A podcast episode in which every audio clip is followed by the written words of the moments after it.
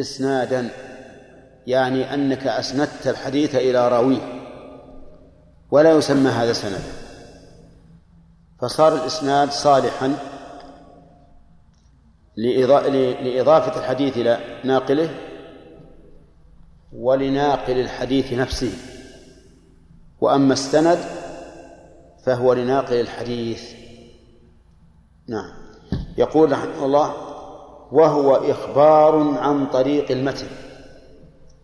الإسناد في الأصل إخبار عن طريق المتن.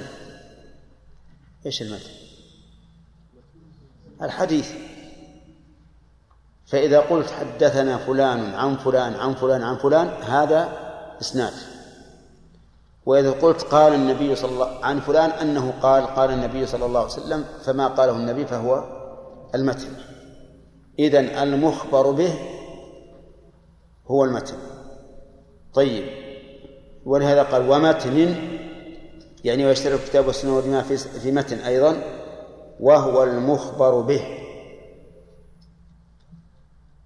إنما الأعمال بالنيات ماذا نسميه؟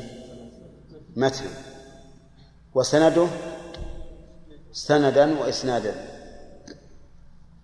والخبر ما يدخله صدق وكذب. هذا الخبر.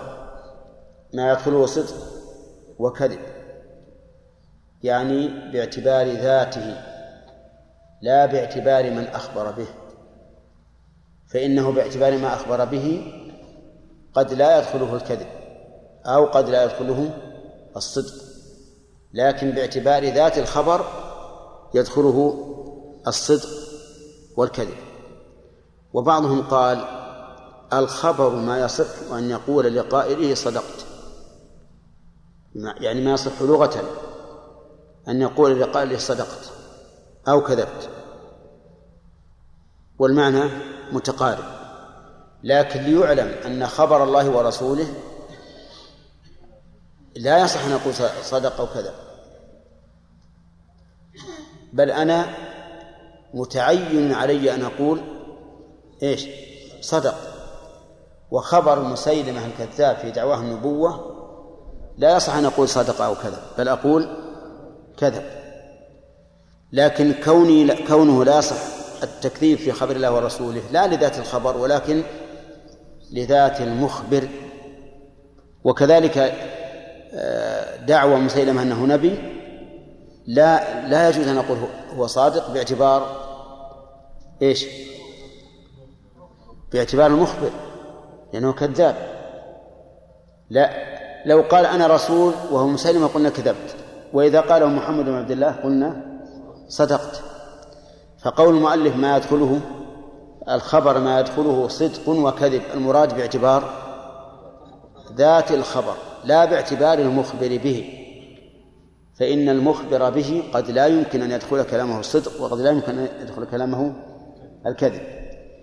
ثم قال ويطلق مجازا على دلالة معنوية وإشارة حالية. يعني يطلق الخبر على الإشارة المعنوية والدلالة الحالية. فالإشارة المعنوية ما فهم من المعنى وإن لم يصرح به. والدلالة الحالية ما دلت عليه حال الإنسان. تقول مثلا أخبرني فلان أنه راضي. وما قال لك إني راضي. لكن ملامح وجهه وإشارة عينه تدل على أنه راضي. وتقول أخبرني فلان أنه غاضب. أخبرني بإيش؟ بدلالته وما قال إني إني غاضب لكن هيئته وحاله تدل على ذلك. والله أعلم. وتدل بمجردها عليه ولا يشترط فيه إرادة فإتيانه دعاء أو تهديدا أو أمرا مجازا. وغيره إنشاء وتنبيه ومنه أمر ونهي واستفهام وتمن وترج وقسم ونداء وصيغة عقل وفصل ولو قال لرجعيته طلقتك طلقت وفي وجه وإن ادعى ماضيا.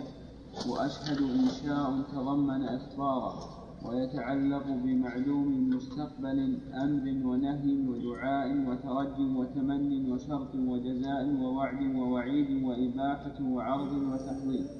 بسم الله الرحمن الرحيم. يشترك ذكر المؤلف فيما سبق أن القرآن والسنة والإجماع يشتركان في السند يعني لا بد لهما من سند. وذكرنا أن القرآن سنده أقوى الأسانيد متواتر لفظا ومعنى يأخذه عن الكبير السنة ليست كذلك. تنقسم إلى أقسام معروفة في المصطلح. الإجماع أيضا لا بد له من سند وذلك بأن يكون المخبر عن الإجماع له اطلاع ومعرفة بمسائل الخلاف والإجماع وذكر أن الإسناد هو الإخبار عن طريق المتن والمتن هو المخبر به والخبر ما يدخله الصدق والكذب. نعم.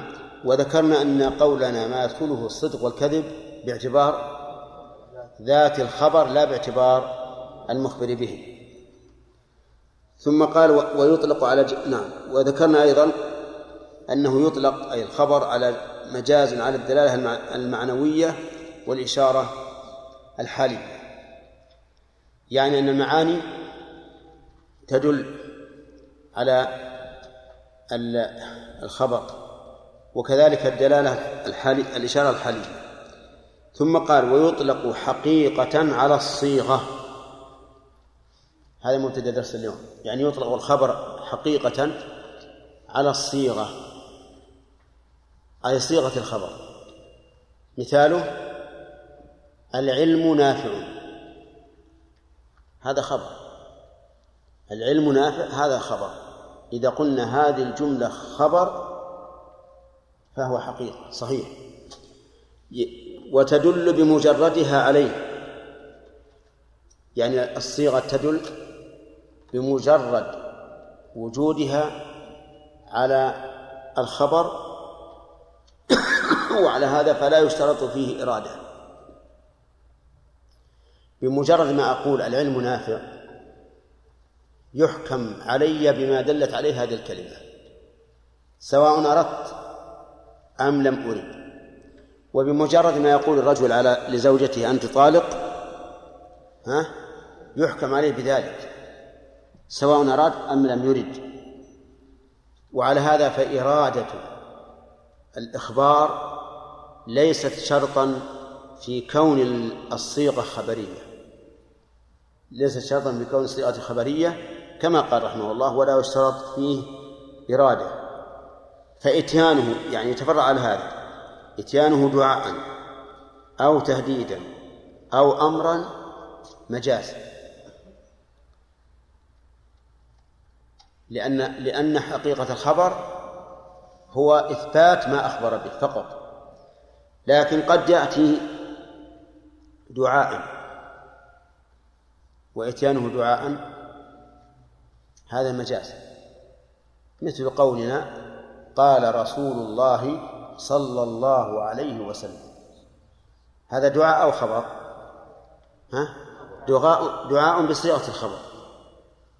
فإتيان هذه الصيغة الخبرية بلفظها بمعنى الدعاء يقول المؤلف إن ذلك مجاز. كذلك إتيانه دعاء تهديدا. إتيانه تهديدا. يعتبر مجازا. لأن الأصل في الخبر الأصل فيه إثبات المخبر به فقط. لكن إذا أتى تهديدا فإنه يعتبر مجازا خارجا عن الأصل. مثل أن يقول السيد لعبده أنا سيدك يعني لي السلطة عليك فإن فعلت شيئا فأنا سأفعل وأفعل. هذا نقول جملة خبرية لكنها للتهديد. كذلك إذا إذا أتى بمعنى الأمر. مثل والمطلقات يتربصن.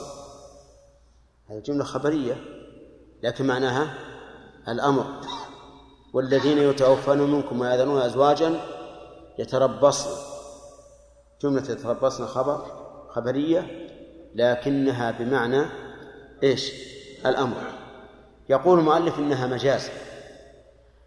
وذلك لأن إتيانه دعاء أو تهديدا أو أمرا يحتاج إلى قرينة. وكل معنى يحتاج إلى قرينة فهو عندهم مجاز. عنده مجاز. وهذه المسألة مسألة المجاز في اللغة أو في القرآن. أو في كلام النبي موضع خلاف بين العلماء كثير وقد سبق الكلام عليه. ثم قال وغيره إنشاء. غيره يعني غير الخبر. إنشاء. فكلام البشر إما خبر وإما إنشاء. وإما صيغة خبرية إنشائية كما سيأتي إن شاء الله في ألفاظ العقود. لكن المؤلف يقول غيره أي غير الخبر إنشاء وتنبيه. إنشاء وتنبيه. الإنشاء كالأمر والنهي وما أشبه ذلك والتنبيه كاسم الإشارة وياء التي تأتي للتنبيه أحيانا وما أشبه. ومنه أي من الإنشاء أمر. ونهي واستفهام وتمني وترج وقسم ونداء وصيغة عقد وفسخ. كل هذا من الإنشاء. منه أمر ونهي. مثاله قوله تعالى واعبدوا الله ولا تشركوا به شيئا. الأول أمر والثاني نهي. ومنه أيضا استفهام. مثل هل لكم مما ملكت أيمانكم من شركاء فيما, رزق فيما رزقناكم فأنتم فيه سواء؟ ومنه أيضا تمني مثل قوله يا ليت قومي يعلمون بما غفر لي ربي. ومنه ترجي مثل إيش؟ نعم. وفي القرآن لعلي أبلغ الأسباب على أحد القولين. والفرق بين التمني والترجي أن الترجي طلب ما فيه قرب أو طلب القريب والتمني طلب البعيد أو المستحيل. فقول الفقير ليت لي مالا فأتصدق منه. تمني لكن طلب بعيد. وقول الشاعر ألا ليت الشباب يعود يوما فأخبره بما فعل المشيب. هذا تمني لكنه مستحيل تمني شيء مستحيل. أما الترجي فهو ما قرب يعني ما كان فيه علامة الرجاء مثل رجل يبيع ويشتري. فقال لعلي أربح اليوم. لعلي أربح اليوم. هذا إيش؟ ترج لأن عمله بالتجارة يقرب أن يربح. فيقول لعلي آه، أربح اليوم. طيب. وقسم القسم من الإنشاء. مثل والله لأفعلن كذا. فالقسم هنا ونعني بالقسم صيغة القسم لا المقسم عليه. يعتبر إنشاء لأن المتكلم به أنشأ القسم وأما المقسم عليه فهو خبر كسائر الأخبار. والله أعلم. نعم. كلام إنشاء خبر كلام الله كذلك. خبر وإنشاء. اعبدوا الله ولا تشركوا به شيئا هذا إنشاء. ها؟ إيه؟ تعريف نعم. لها ما قلنا إنه ما ما يدخله الصدق والكذب بذاته لا للمخبر به لأن خبر الله ما يمكن يدخل الكذب. لكن باعتبار الصيغة يدخلها الصدق والفضل ونهي ودعاء وترج وتمن وشرط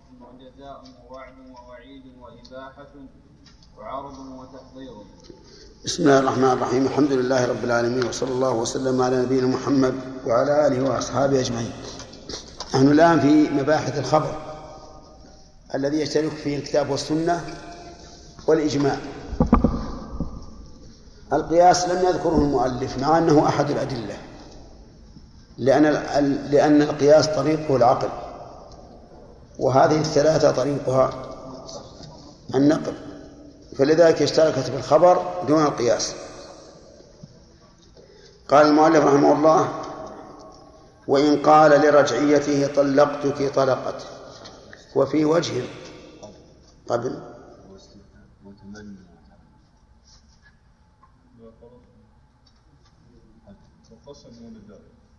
وغيره إنشاء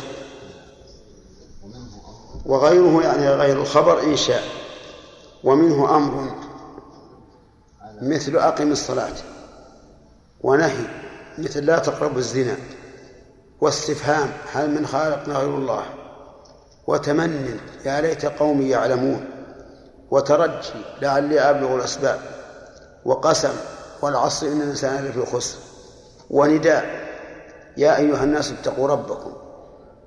وصيغة عقد بعتك كذا بعشرة فقال قبلت وفسخ فسخت زوجتي طلقت زوجتي كل هذا من باب من باب الإنشاء طيب وإن قال لرجعيته ولو قال لرجعيته طلقتك طلقت وفي وجه وإن ادعى ماضيا من رجعيته رجعيته التي المطلقة التي يمكنه أن يراجعها بلا عقد. هذه الرجعية. المطلقة التي يمكن أن يراجعها بلا عقد. وهي التي طلقها بعد الدخول أو الخلوة على غير عوض دون تمام العدد. حطوا بالكم التي طلقها بعد الدخول أو الخلوة على غير عوض قبل استكمال العدد. فالمطلقة قبل الدخول ها غير رجعية لأنه, لأنه ليس لها عدة. والمطلقة بعد الدخول على عوض غير رجعية. والمفسوخة فسخا لعيب أو غيره غير رجعية. والمطلقة بعد استكمال العدد غير رجعية. إذن فالرجعية ما تم فيها أربعة شروط. أن يكون طلاقا قبل الدخول والخلوة. أن يكون طلاقا بعد الدخول والخلوة. على غير عوض قبل استكمال العدد. كذا؟ زين. الفسخ هل تكون مرة فيه رجعية؟ لا. لو فسخها لعيبها هي غير مطلقة فليس له رجعة. طلق على عوض؟ آه. ليس له ليس لها رجعة. طلق قبل الدخول والخلوة ليس لها رجعة. المهم لو قال لرجعيته أنت طالق طلقت وفي وجه وإن ادعى ماضيا. أنت طالق صيغتها صيغة الخبر لكن معناها الإنشاء. ولهذا إذا قال أنت طالق طلقت. أنت طالق طلقت. حطوا بالك فتكون الطلقة الأولى وهذه الطلقة الثانية. وهذا هو الذي وهذا ما ذهب إليه المؤلف وأكثر أهل العلم. بناء على جواز إتباع الطلقة الطلقة. والقول الثاني في المسألة أن أن الطلاق الثاني لا يلحق الرجعية لا يلحق الرجعية لأن الله قال فطلقوهن لعدتهن والطلاق الثاني ليس طلاقا للعدة لأن العدة ابتدأت من متى؟ ها؟ من الطلقة الأولى فالطلقة الثانية لغير العدة فلا تكون نافذة لقول النبي صلى الله عليه وآله وسلم من عمل عملا ليس عليه أمرنا فهو رد. وقال بعض العلماء إن طلقها في الحيضة الأولى يعني قبل أن تأتي الحيضة الثانية فهي فهو طلاق فغير فغير طلاق وإن طلقها بعد الحيضة الثانية فهو فهو طلاق. والصحيح أنه ليس بطلاق مطلقا. ولو نوى به الطلاق. لأن الطلاق لا يردف لا يردف الطلاق. إذ أن الطلاق الثاني يقع بلا عدة فيكون باطلا لمخالفته أمر الله. وقد قال الله تعالى بل قد قال النبي صلى الله عليه وآله وسلم من عمل عملا ليس عليه أمرنا فهو رد. لكن المؤلف في في كلام هذا تبع جمهور أهل العلم ومنهم الأئمة الأربعة أن الطلاق يقع على الرجعية. حطوا بالك يقول رحمه الله وفي وجه وإن ادعى ماضيا. في وجه يعني وجه لأصحاب وإن ادعى ماضيا فإن الطلاق يقع ويكون ويكون الطلاق على هذا الحال مرة ومرتين. مرتين. الطلاق الأول والطلاق الثاني. فإذا جاء رجل وقال فإذا قال رجل لرجعيته أنت طالق فهذه طلقة تحسب عليه فإن قال أنا قلت أنت طالق يعني أنت مطلقة فيما مضى. يعني لست الآن ذات, ذات زوج. فهل يقبل أو لا يقبل؟ يقول المؤلف لا يقبل. في وجه. لا يقبل في وجه. لأنه أراد بالإنشاء خلاف الظاهر لأن الطلاق الطلاق يعتبر إنشاء. فإذا قال أردت الطلاق الماضي حوله إلى إلى خبر فلا يقبل قوله. ولهذا قال طلقت وفي وجه وإن ادعى ماضيا. وش معنى ادعى ماضيا؟ قال إن معنى قولي أنت طالق يعني الطلاق الأول. فلا يقبل. ولكن الصحيح أنه يقبل. إذا قال أردت الطلاق الأول لأن لفظه محتمل وإذا كان لفظه محتمل فإننا نعود في, في النية إلى قصده هو. وعلى القول الراجح مرة ثانية. لا يقع عليه الطلاق ولو نواه إنشاء ولو ولو نوى أنه إنشاء طيب. البحث في هذه المسألة ما علاقته بباب الأخبار؟ لأن قوله أنت طالق يحتمل إخبارا ويحتمل إنشاء. فلذلك ذكره المؤلف. ثم قال وأشهد إنشاء تضمن إخبارا. أشهد أن لفلان على فلان مئة درهم. هذا إخبار. لكنه تضمن إنشاء لأن قوله أشهد يعني الآن. والمشهود به أي نعم يعني الآن إنشاء والمشهود به سابق. أي نعم هذا كلام المؤلف. إنشاء تضمن إخبار أشهد إنشاء يعني الآن أشهد. تضمن إيش؟ إخبارا عن أي شيء؟ عن المشهود به. المشهود به. فهو إنشاء من من جهة وإخبار من جهة أخرى إنشاء من حيث الإدلاء به عند الحاكم وإخبار من حيث إيش؟ المشهود به. من حيث المشهود به. فهو في الحقيقة إنشاء لكنه تضمن إخبارا. ويتعلق بمعدوم مستقبل أمر ونهي ودعاء وترج إلى آخره. يعني أن المعدوم هل يتعلق به الأمر والنهي؟ إن قلت لا مشكل. وإن قلت نعم مشكل. فماذا تقول؟ تسكت والله أعلم؟ يعني هل يتوجه الأمر إلى المعدوم أو لا؟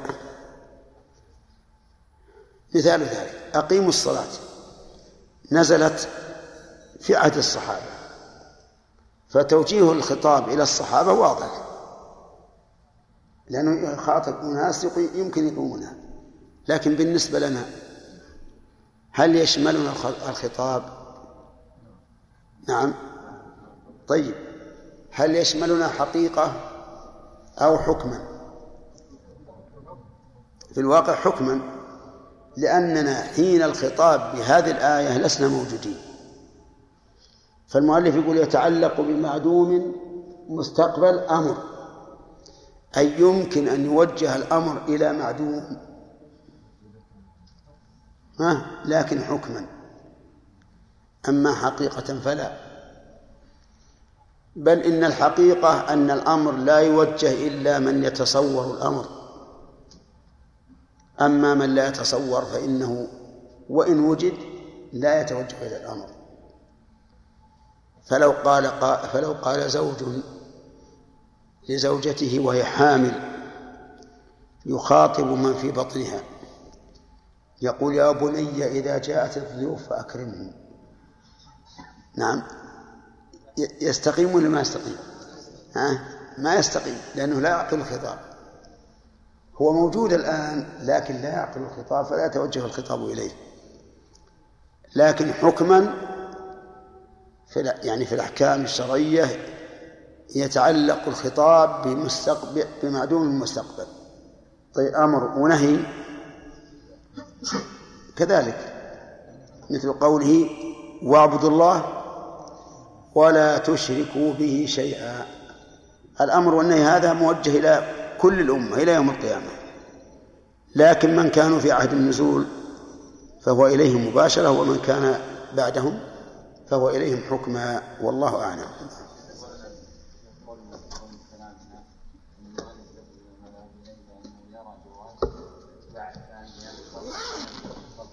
نعم وليس الإجماع قائم على أن اتباع الطرف الثانية الأولى أقل أحوال الكرامة لكن الخلاف في الوقوع هل يقع أو لا؟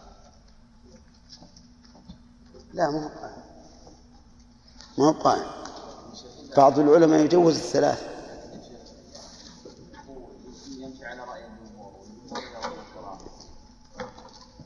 ما ندري والله لأن تعرف هذا أصول الفقه. ما هو ما هو فقه. يمكن يجيب مسائل على سبيل التمثيل ولو على رأي آخر. نعم.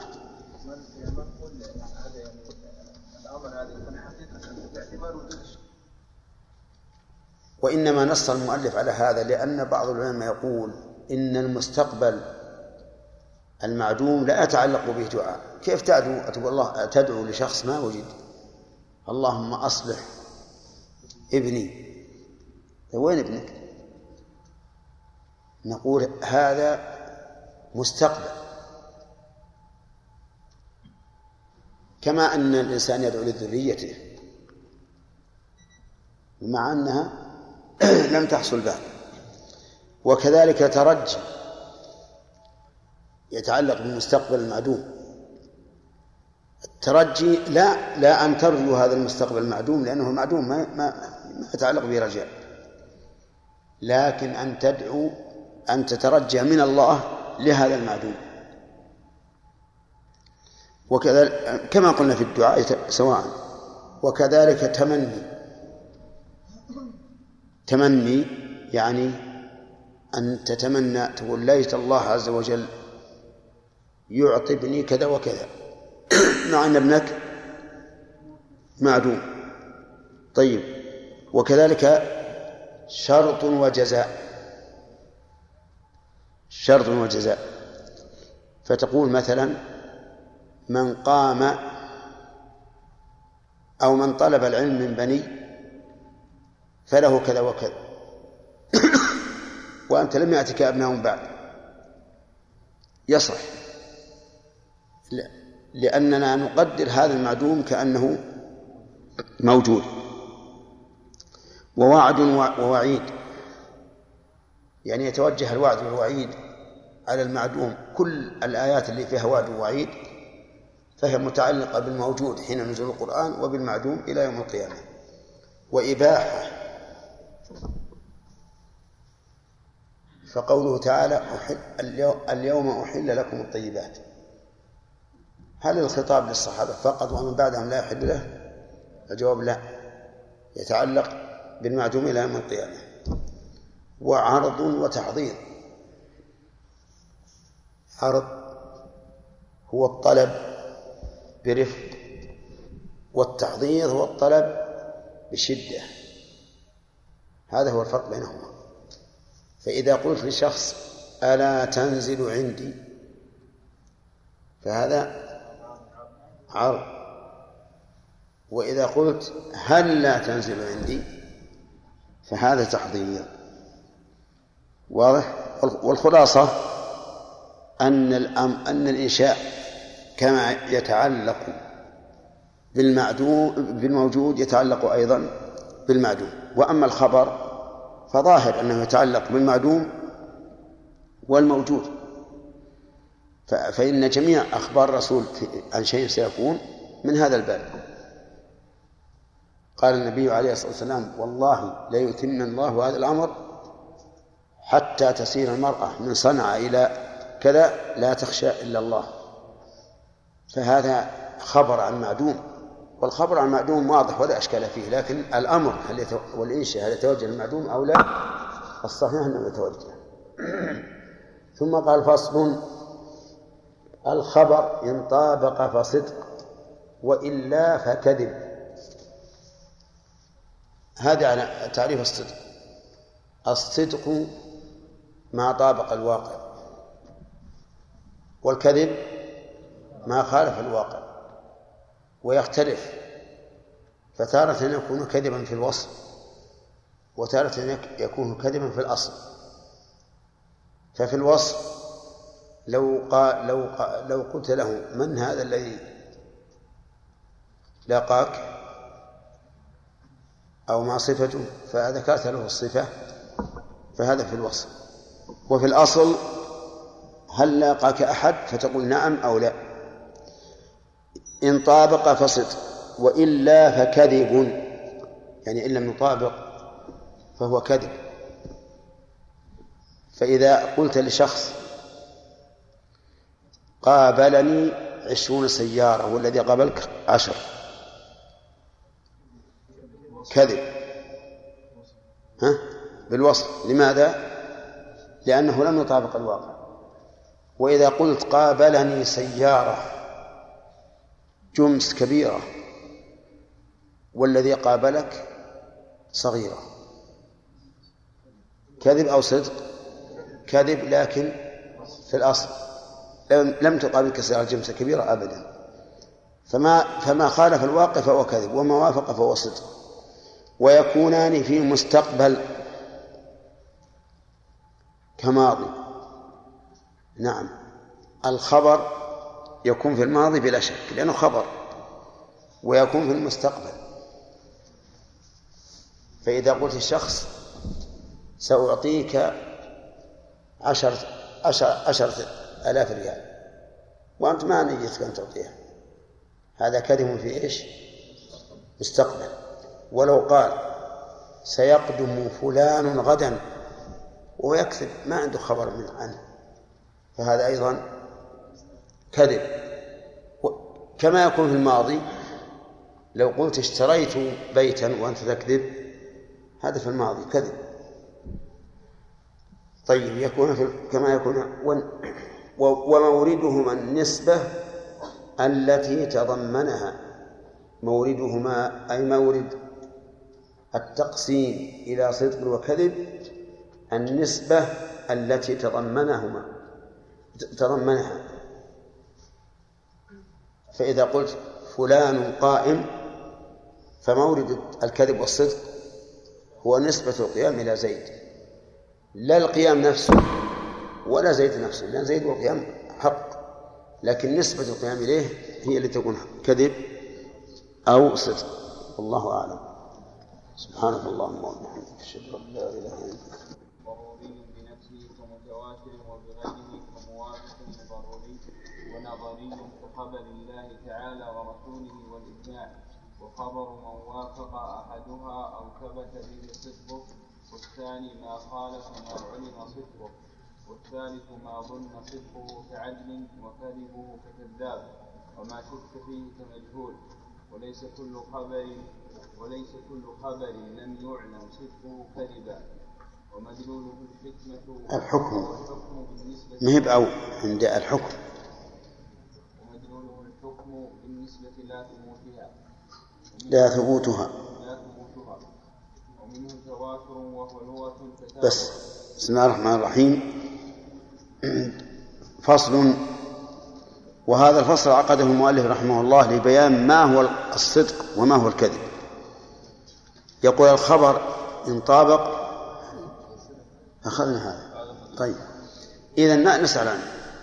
ما هو ما هو الصادق من الأخبار؟ خالد. طيب مثاله.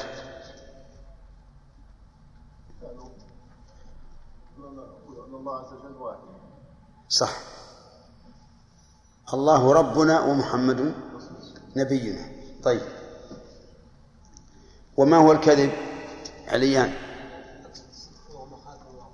ما خالف الواقع. مثاله؟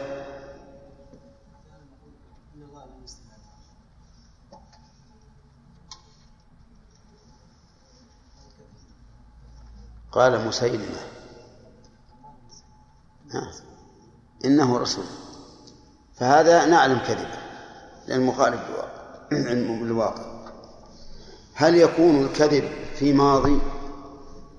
يا خالد هل يكون الكذب في الماضي أو لا؟ مثاله.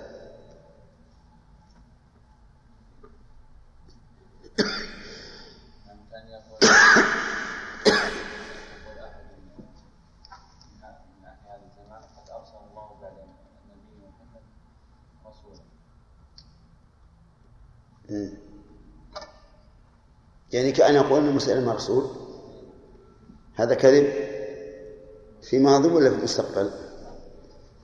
ومثاله في المستقبل كذب في المستقبل.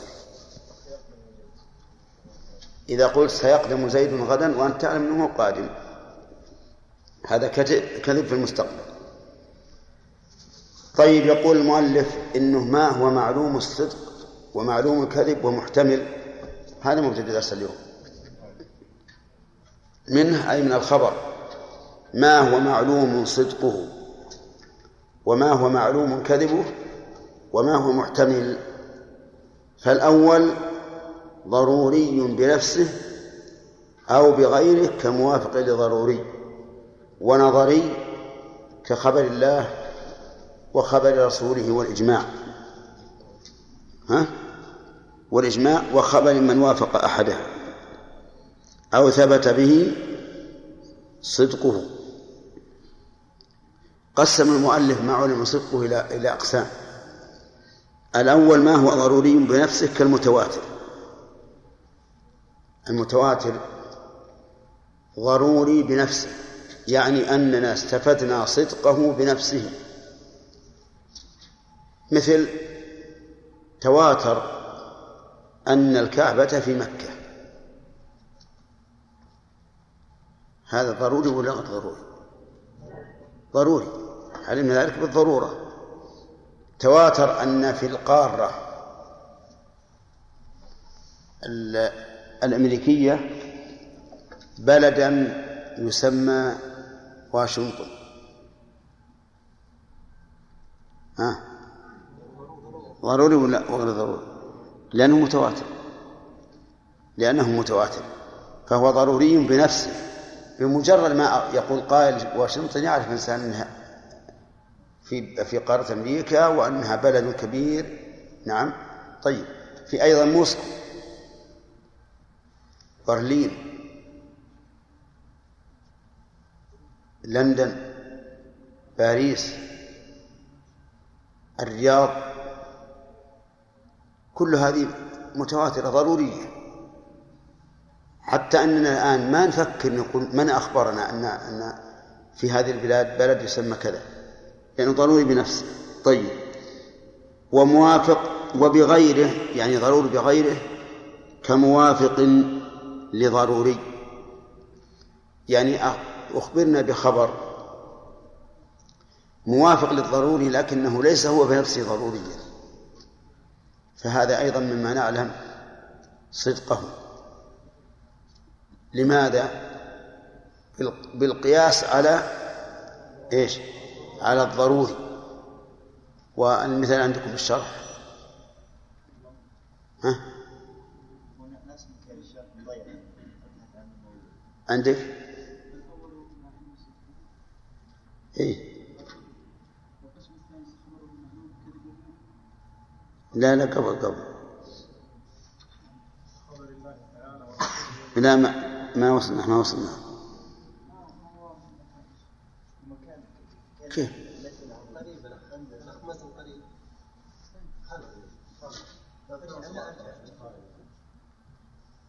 هذا هذا شو ما هو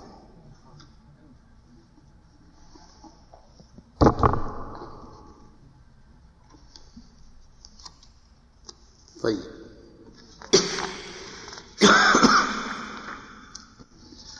ومدلول الحكم بالنسبة لا تثبتها ومنه تواتر وهو لغة تتابع بمهلة. واصطلاحا خبر عدد يمتنع معه لكثرته تواطؤ على كذب عن محسوس أو عن عدد. كذلك إلى أن ينتهي إلى محسوس مفيد للعلم بنفسه. مفيد. مفيد للعلم بنفسه. والحاصل ضروري.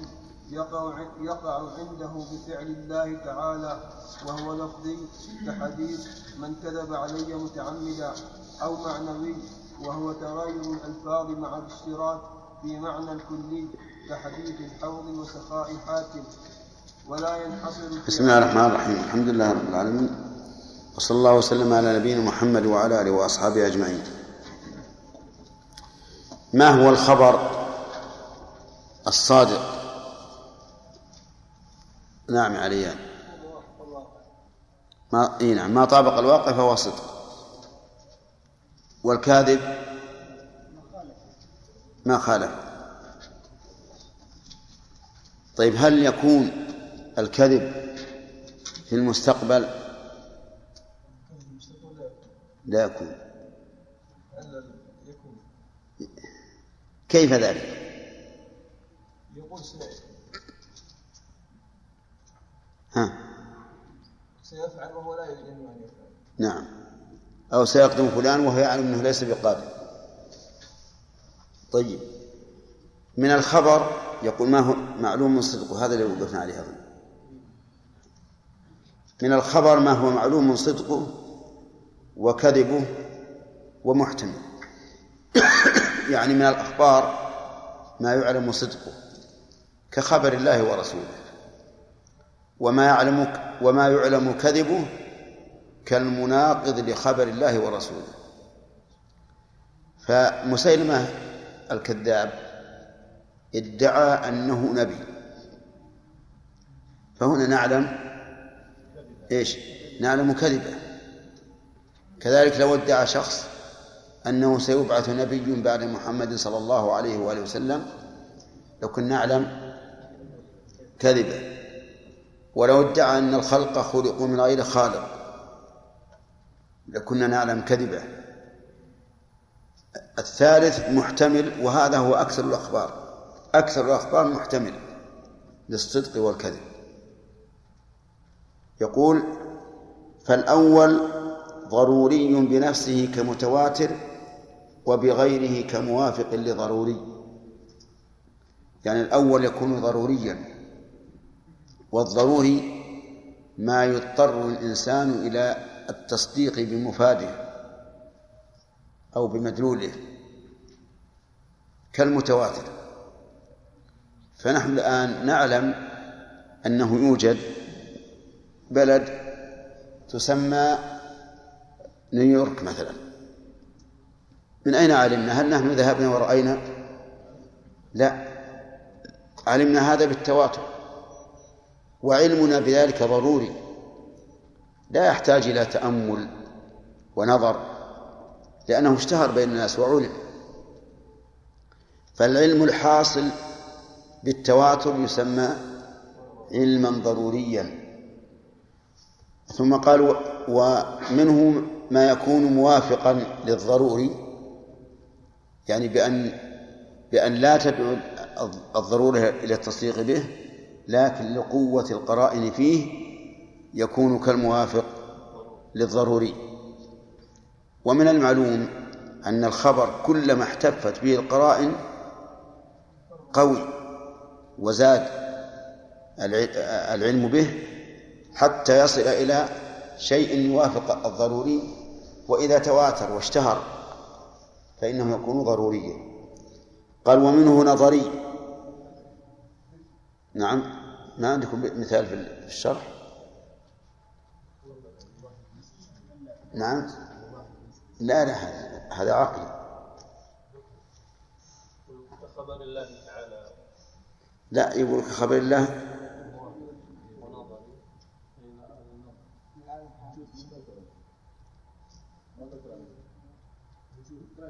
أين؟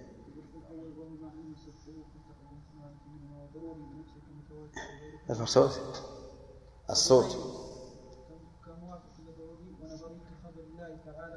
والإجماع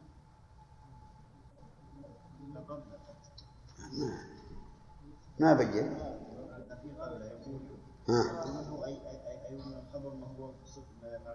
من فضلك اقلب الشريط.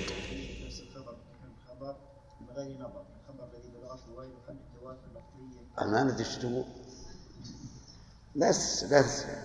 يقول النوع الثاني ما يكون ضروريا لغير نفس الخبر بكون موافقا للضروري وهو ما يكون متعلقه معلوما لكل أحد من غير كسر ولا متعلق. ما يكون متعلقه معلوما لكل أحد من غير كسب وتكرر نحو الواحد نصف هذا عقلي لكن كان يجعله موافق للضروري لأنه إذا جاء واحد كلمني قال الواحد نصف الاثنين والاثنين نصف الأربعة. هذا خبر وإن كان ليس متواترا لأن المتواتر لا بد أن يأتي من من عدة جهات. فهو لما لم يكن متواترا جعلوه موافقا للمتواتر. طيب النظري يعني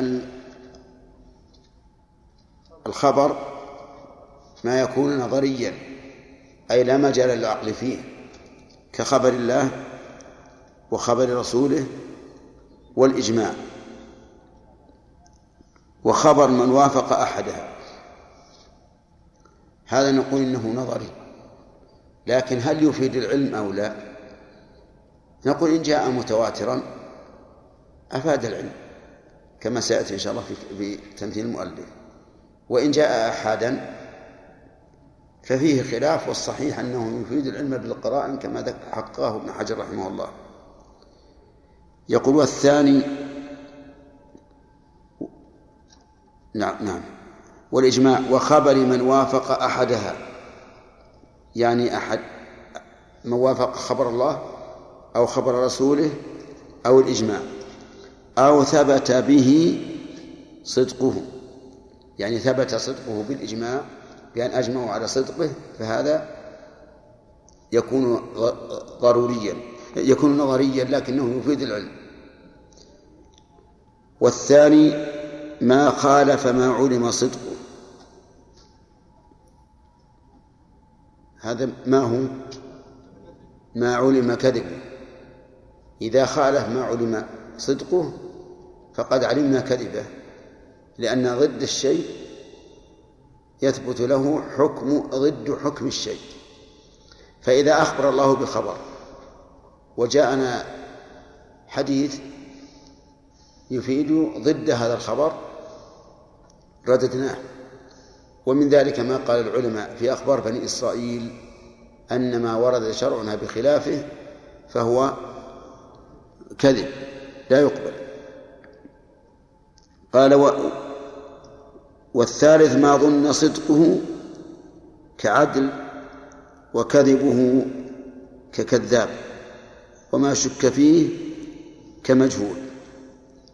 هذه أخبار الأخبار غير غير المتواترة وغير ما علم صدقه وغير ما علم ما, ما علم كذبه ينقسم إلى ثلاثة أقسام. قسم يظن صدقه. وقسم يظن كذبه وقسم محتمل فإذا أخبرك عدل بخبر والرجل المخبر ثقة فإنك تظن صدقه فتصدقه. وإذا أخبرك كذاب بخبر فإنك تظن كذبه. فإن قال قائل لماذا لا لا نقول إذا أخبرني الكذاب بخبر فإنني أعلم كذبه. قلنا لأن الكذاب قد يصدق. هو كذاب في نفسه معروف بالكذب لكن قد يصدق. فهذا نظن كذبه ونرد خبره. الثالث ما شك فيه كمجهول. يعني أخبرك إنسان لا تعلم أنه عدل ولا أنه كذاب بخبر. فهذا فيه احتمال أنه صدق وأنه كذب. ولكن هل يترتب على هذا الشيء؟ نعم يترتب عليه أن تبحث. إذا كان يتعلق به حكم شرعي أن تبحث عن هل يرجح يترجح صدقها أو يترجح كذبه. قال الله تعالى يا أيها الذين آمنوا إن جاءكم فاسق بنبأ فتبينوا أن تصيبوا قوما بجهالة فتصبحوا على ما فعلتم نادمين.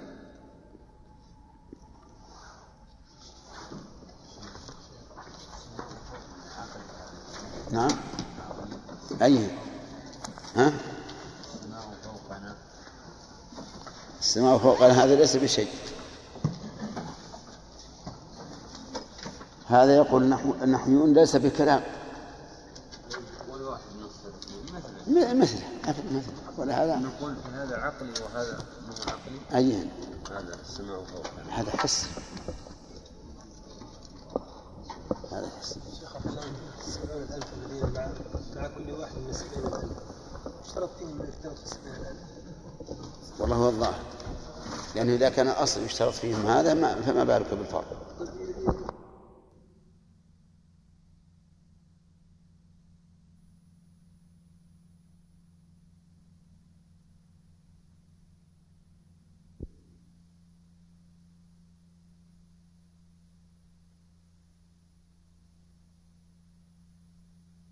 وذلك إلى أن ينتهي إلى محسوس مفيد للعلم بنفسه والحاصل ضروري يقع عنده بفعل الله تعالى وهو لفظي كحديث من كذب علي متعمدا أو معنوي وهو تغاير الألفاظ مع الاضطراب في معنى كحديث الحوض وسخاء حاتم بسم الله الرحمن الرحيم. قال المؤلف رحمه الله تعالى وليس كل خبر لم يعلم صدقه كذبا. ليس كل خبر لم يعلم صدقه كذبا بل قد يكون كذبا وقد يكون صدقا والمراتب ثلاث كما سبق ما علم صدقه وما علم كذبه وما هو محتمل. فإذا كان كذلك فليس كل خبر لم يعلم صدقه يكون كذبا. وفهم من قول لم يعلم صدقه أن ما علم صدقه فليس كذبا بالاتفاق. كما أن ما علم كذبه فليس صدقا بالاتفاق. قال ومدلوله الحكم بالنسبة لا ثبوتها. ها؟ ومدلول الحكم. مدلوله الحكم بالنسبة لا ثبوتها. هذه مسألة الحقيقة كلامية. ما مدلول الخبر؟ إذا قلت زيد قائم. لا. هل مدلول الحكم بنسبة القيام إليه؟ أو ثبوت نسبة القيام إليه؟ نعم. هذه فيها خلاف. فيها خلاف. منهم من قال مدلول الحكم بالنسبة. فقول قائل زيد قائم أي أنني أحكم بأن زيدا قائم. لا أثبت أن زيدا قائم. لماذا؟ قال لأننا لو جعلنا مدلوله ثبوت النسبة لزم أن لا يكون شيء من الأخبار كذبا. لأنه ما دام ثبوت النسبة إذن معناها معناها أن النسبة ثابتة. ثابتة فيكون صدقا. لكن المدلول هو الحكم بالنسبة أي أن قول القائل زيد قائم يساوي تماما حكمت بأن زيدا قائم. حكمت بأن زيدا قائم وحكمه قد يكون صوابا وقد يكون خطأ. واضح يا جماعة؟ وهذه مسألة كلامية وما أكثر كلام أهل الكلام. نعم. نقول الصواب القول الثاني أن مدلوله النسبة وكون النسبة هذه تكون كذبا أو صدقا لا دخل لها في في في, في نفس الخبر. وإنما هي بالنسبة للمخبر. فالذي يصدق مدلول زيد قائم إنما أثبت أنه قائم بسبب صدق المخبر لا بسبب الخبر. الخبر يدل على ثبوت النسبة. زيد قائم زيد عالم زيد ذو مال وما أشبه ذلك. كل يعرف أن المراد بذلك نسبة الخبر إلى المبتدأ. هذا المراد. كما لو قلت قام زيد هل هذا معناه الحكم بقيام زيد أو إثبات قيام زيد؟ إثبات قيام زيد. وعلى كل حال فالخلاف في هذا من باب تطويل التطويل بلا فائدة. كل يعلم أن الرجل إذا قال زيد قائم فإن كان من الصادقين ثبت عند المخاطب القيام. وإن كان من الكاذبين ثبت عنده كذبه وإن كان من من من يشك فيهم توقف فيه. فالنسبة في الحقيقة إنما هي باعتبار المتكلم لا باعتبار الخبر. ولهذا أشار المؤلف إلى نفي القول بالثبوت لأنه قال به بعض العلماء. نعم. يقول رحمه الله ومنه أي من الخبر تواتر يعني من الخبر أخبار متواترة وهو لغة تتابع بمهلة. وهو لغة لماذا نصبنا لغة وقبلها مبتدأ؟ منصوبة بنزع الخافض أي وهو في اللغة. وأما خبر المبتدأ هو فهو قوله تتابع بمهلة.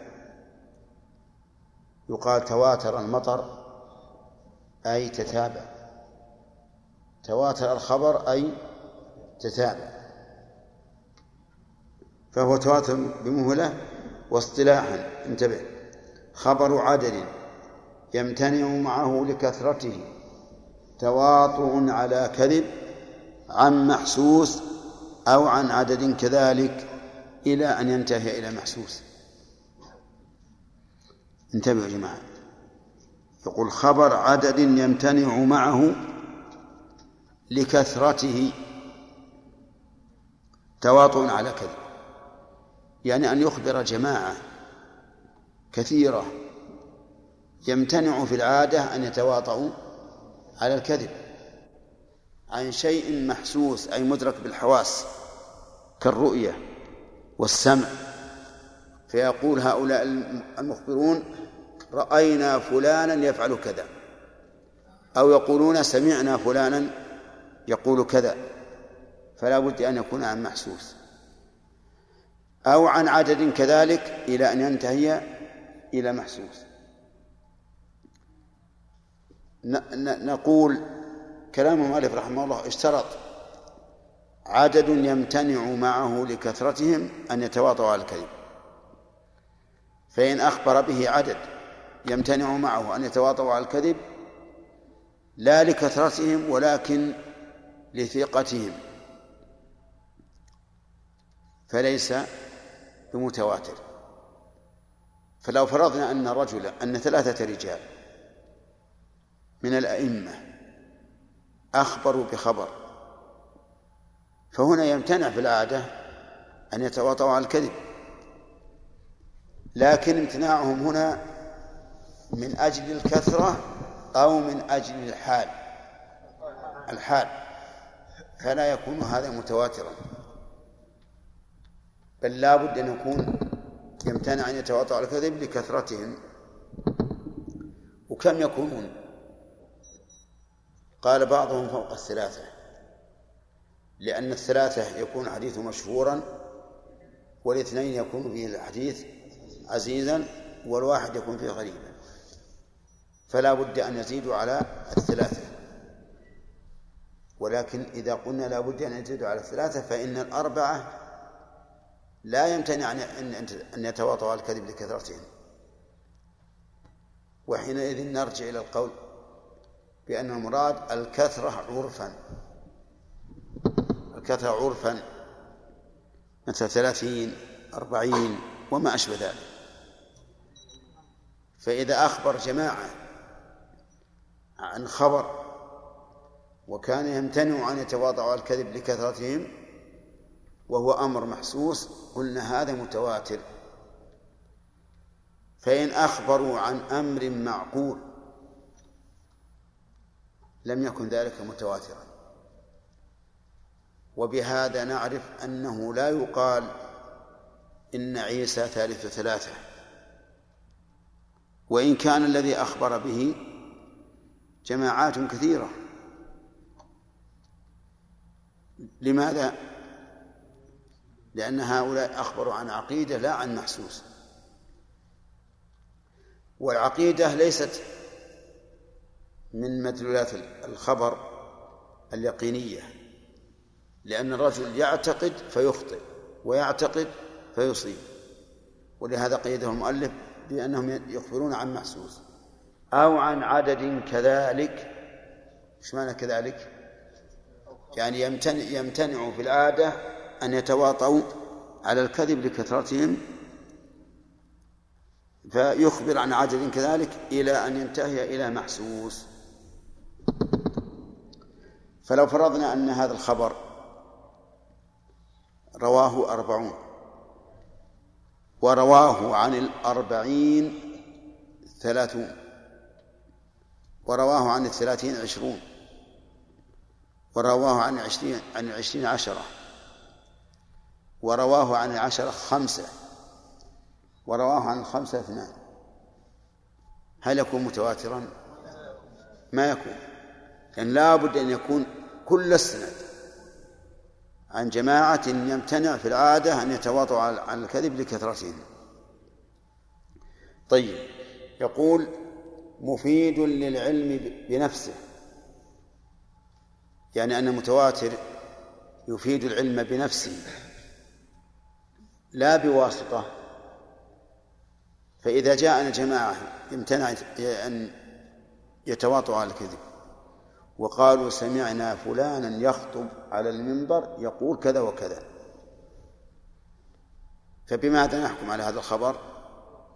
نقول متواتر ومفيد للعلم بنفسه والحاصل ضروري يقع عنده بفعل الله تعالى. الحاصل يعني من العلم بمدلول هذا الخبر ضروري. لأنه إذا وصلني عن طريق عن طريق التواتر فأنا أبي فسوف ينقدح في نفسي علم ضروري بوقوع هذا هذا الخبر وبماذا حصل؟ يقول إنه يحصل عنده بفعل الله وهذه نزعة إلى مذهب الأشاعرة الذين لا يثبتون للأشياء للأسباب تأثيرا. ويقولون إن الأسباب يحصل الشيء عندها لا بها. فلو رميت زجاجة بحجر. وانكسرت الزجاجة. فإنهم يقولون إن كسرها ليس ليس سببه رميك بالحجر.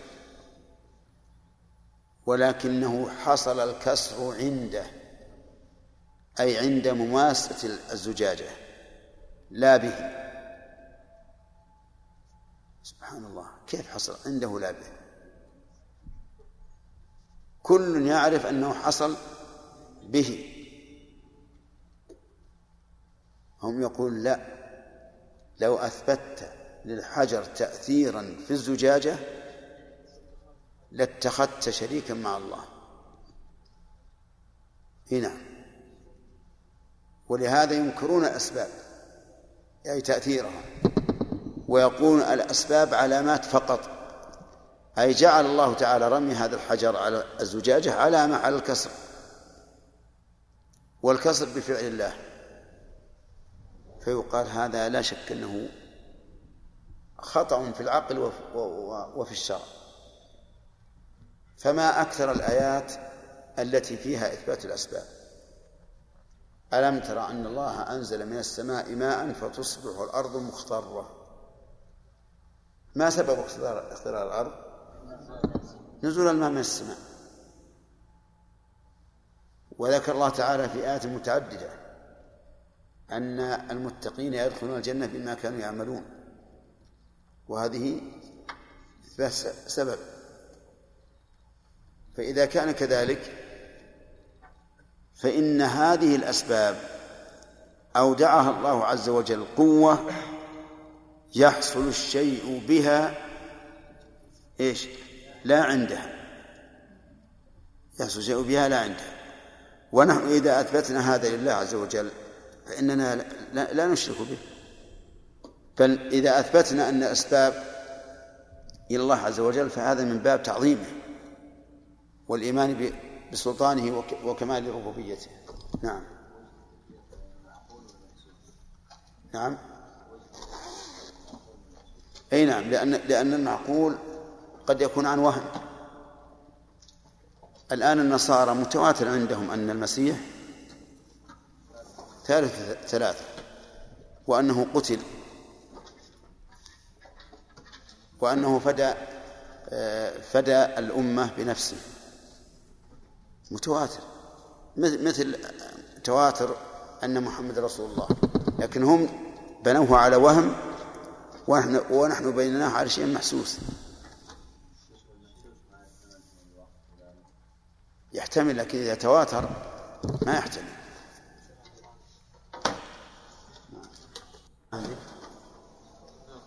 صفحة كم؟ ها؟ 34 لا إحنا في 35 الظاهر ومنه متواتر. أنا عندي عندي بالتحديد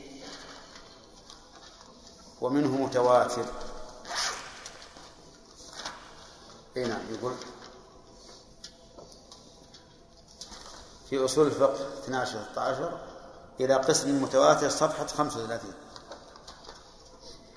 نعم. القسم الثاني قسم اللفظ. نعم. ما يخالف ما مشكلة مشكلة.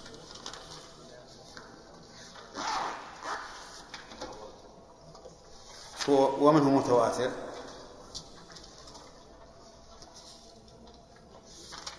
السابع بعد الفصل.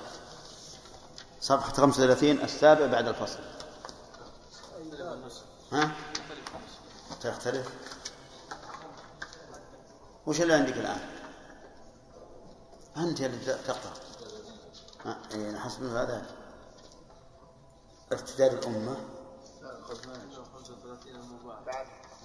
الخبر إحنا الآن ها؟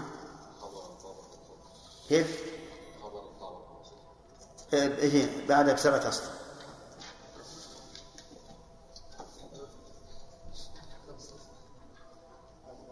بعدها بسبعة أسطر عد سبعة أسطر واحد اثنين ثلاثة أربعة خمسة ستة سبعة.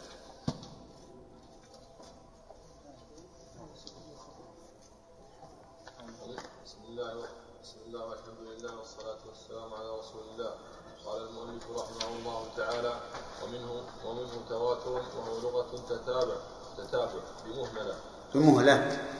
بمهلة. وهو لغة تتابع بمهلة.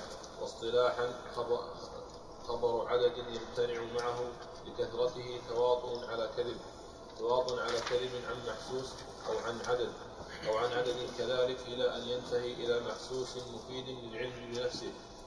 وال- والحاصل ضروري يقع عنده بفعل الله تعالى وهو لفظي كحديث من كذب علي متعمدا أو معنوي وهو تغاير الألفاظ لا عندي ومعنوي ما به أو.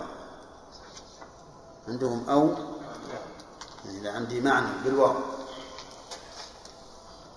وهو لفظي كحديث من كذب علي متعمدا ومعنوي وهو تغاير الألفاظ مع الاشتراك في معنى في معنى كلي كحديث الحوض وسخاء حاتم بسم الله الرحمن الرحيم. قال رحمه الله تعالى ومنه أي من الخبر. من الخبر تواتر. يعني أن يتواتر الخبر. والتواتر لغة تتابع بمهلة. هذا التواتر. إذا تتابع الشيء بمهلة فإنه يسمى متواترا. يقال تواتر المط- المطر يعني صار ينزل بمهلة يتتابع بمهلة. مثلا بعد ساعة يأتي مطر بعد ساعة يأتي مطر وهكذا. ومنه قوله تعالى أو قريب منه ثم أرسلنا رسلنا تترى أي تتتابع. واصطلاحا اصطلاحا عند من؟ عند المحدثين. لأن الاصطلاح في كل فن بحسبه فإذا كنا في الفقه يك- فيكون معنى اصطلاحا عند الفقهاء.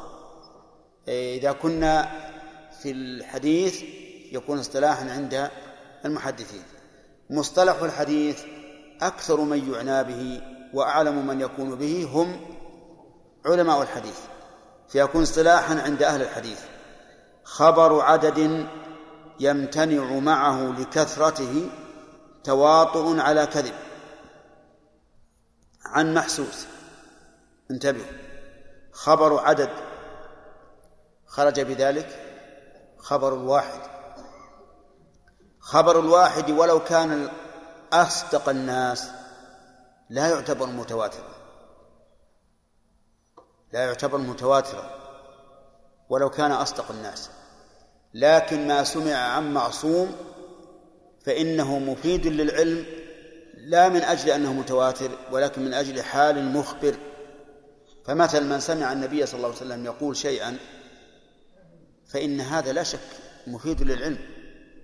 إذا سمع هو بنفسه الرسول يقول شيئا فهذا بلا شك مفيد للعلم لوجوب تصديقه.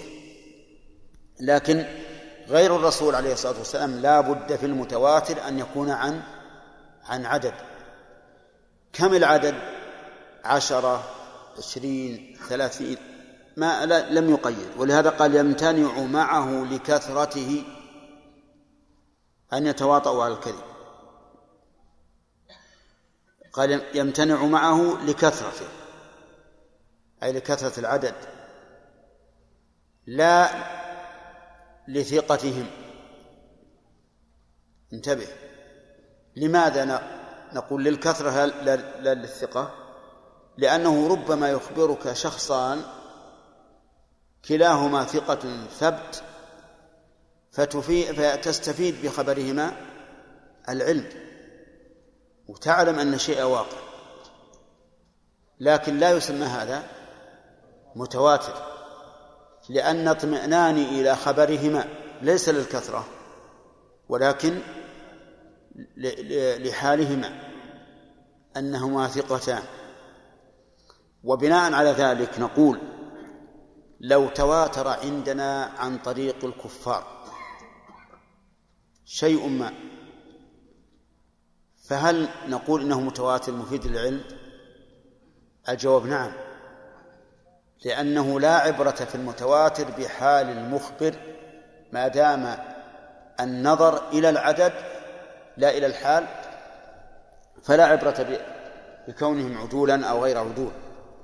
ولهذا نقول الآن لو أخبرنا الكفار عن شيء محسوس وتواتر النقل عنه ولم يرد إلا من طريقهم فإنه يكون متواترا موجبا للعلم.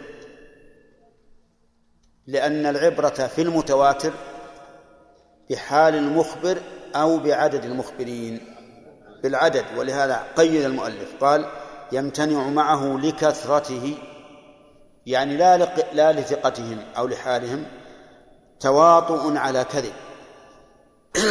تواطؤ على كذب فإن كانوا كثيرين لكنهم مجتمعون في مكان واحد ويمكن أن يتواطؤوا على كذب فيقولوا سنقول للناس كذا وكذا فهؤلاء لو بلغوا آلافا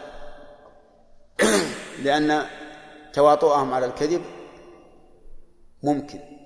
لكن لو كان أحدهم بالمشرق والثاني في المغرب والثالث في الجنوب والرابع في الشمال والخامس في الوسط والسادس فيما بين ذلك والسابع كذا هكذا.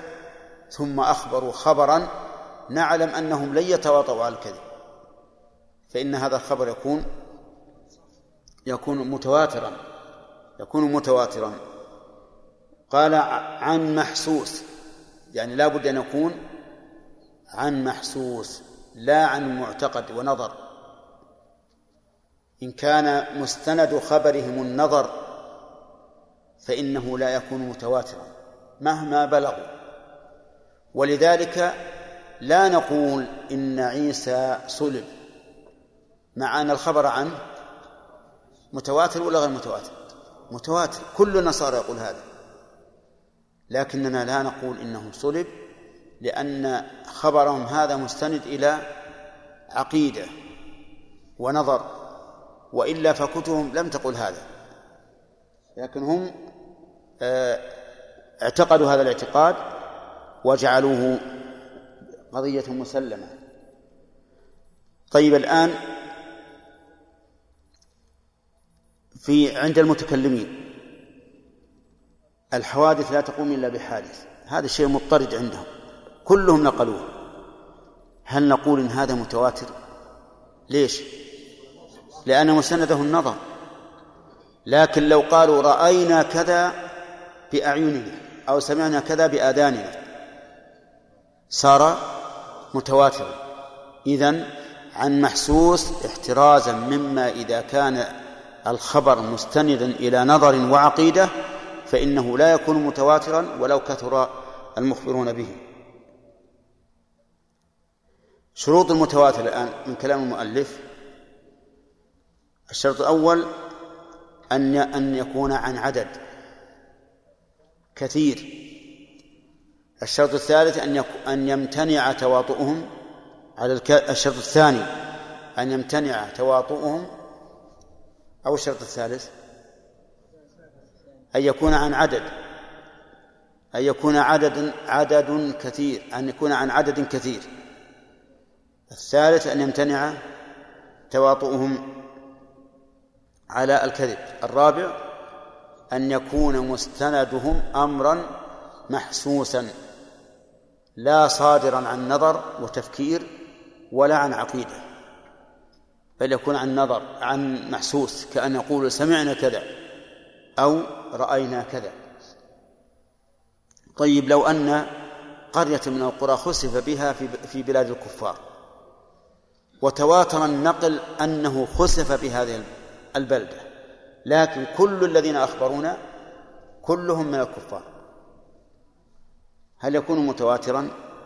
نعم لأننا قلنا المتواتر لا ينظر فيه إلا إلى العدد فقط لا إلى حال المخبر. طيب ولو أن شخصين أخبرانا أنهما شاهدا القرية قد خسف بها. فهل يكون متواترا. نعم وهما ثقتان إلى أبعد الحدود في الثقة فإنه لا يكون متواترا لأن العدد قليل. وحصول العلم بخبرهما ليس لأن لكثرة العدد ولكن لأن حالهما تقتضي ذلك. الله أعلم. نعم. كيف؟ أي كم؟ كم الوقت؟ الآن؟ لا لا كم وقت ربع ساعة ربع ساعة؟ ها؟ لا لو نزيد شوي اي صحيح لا يعني لا, لا يقل عن ثلث ال- الذي ينبغي أن نجعله لا يقل عن ثلث ها؟ إيه. أنا ما يعني زود عشر دقائق عندي مهب مهب يعني مهب شيء صعب. لكن أخشى منكم الملل. ها؟ كيف؟ طيب نزود عشر دقائق. نخليها هو ربع ساعة نخليه إلى إلى ثلث. نعم.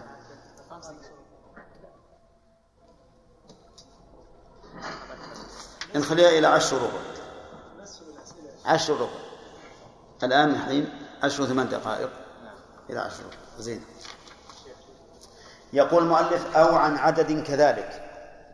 يعني أو عن عدد كذلك. يعني أنه ينتهي خبرهم إلى شيء محسوس فيقولون رأينا أو سمعنا. أو إلى عدد كذلك. يعني يخبرنا عن عدد يمتنع عدد كثير يمتنع أن يتواطؤوا على الكذب. عن عدد كثير يمتنع أن يتواطؤوا عن الكذب وعلى هذا فلا بد في المتواتر أن أن توجد هذه الشروط في جميع طبقات السند.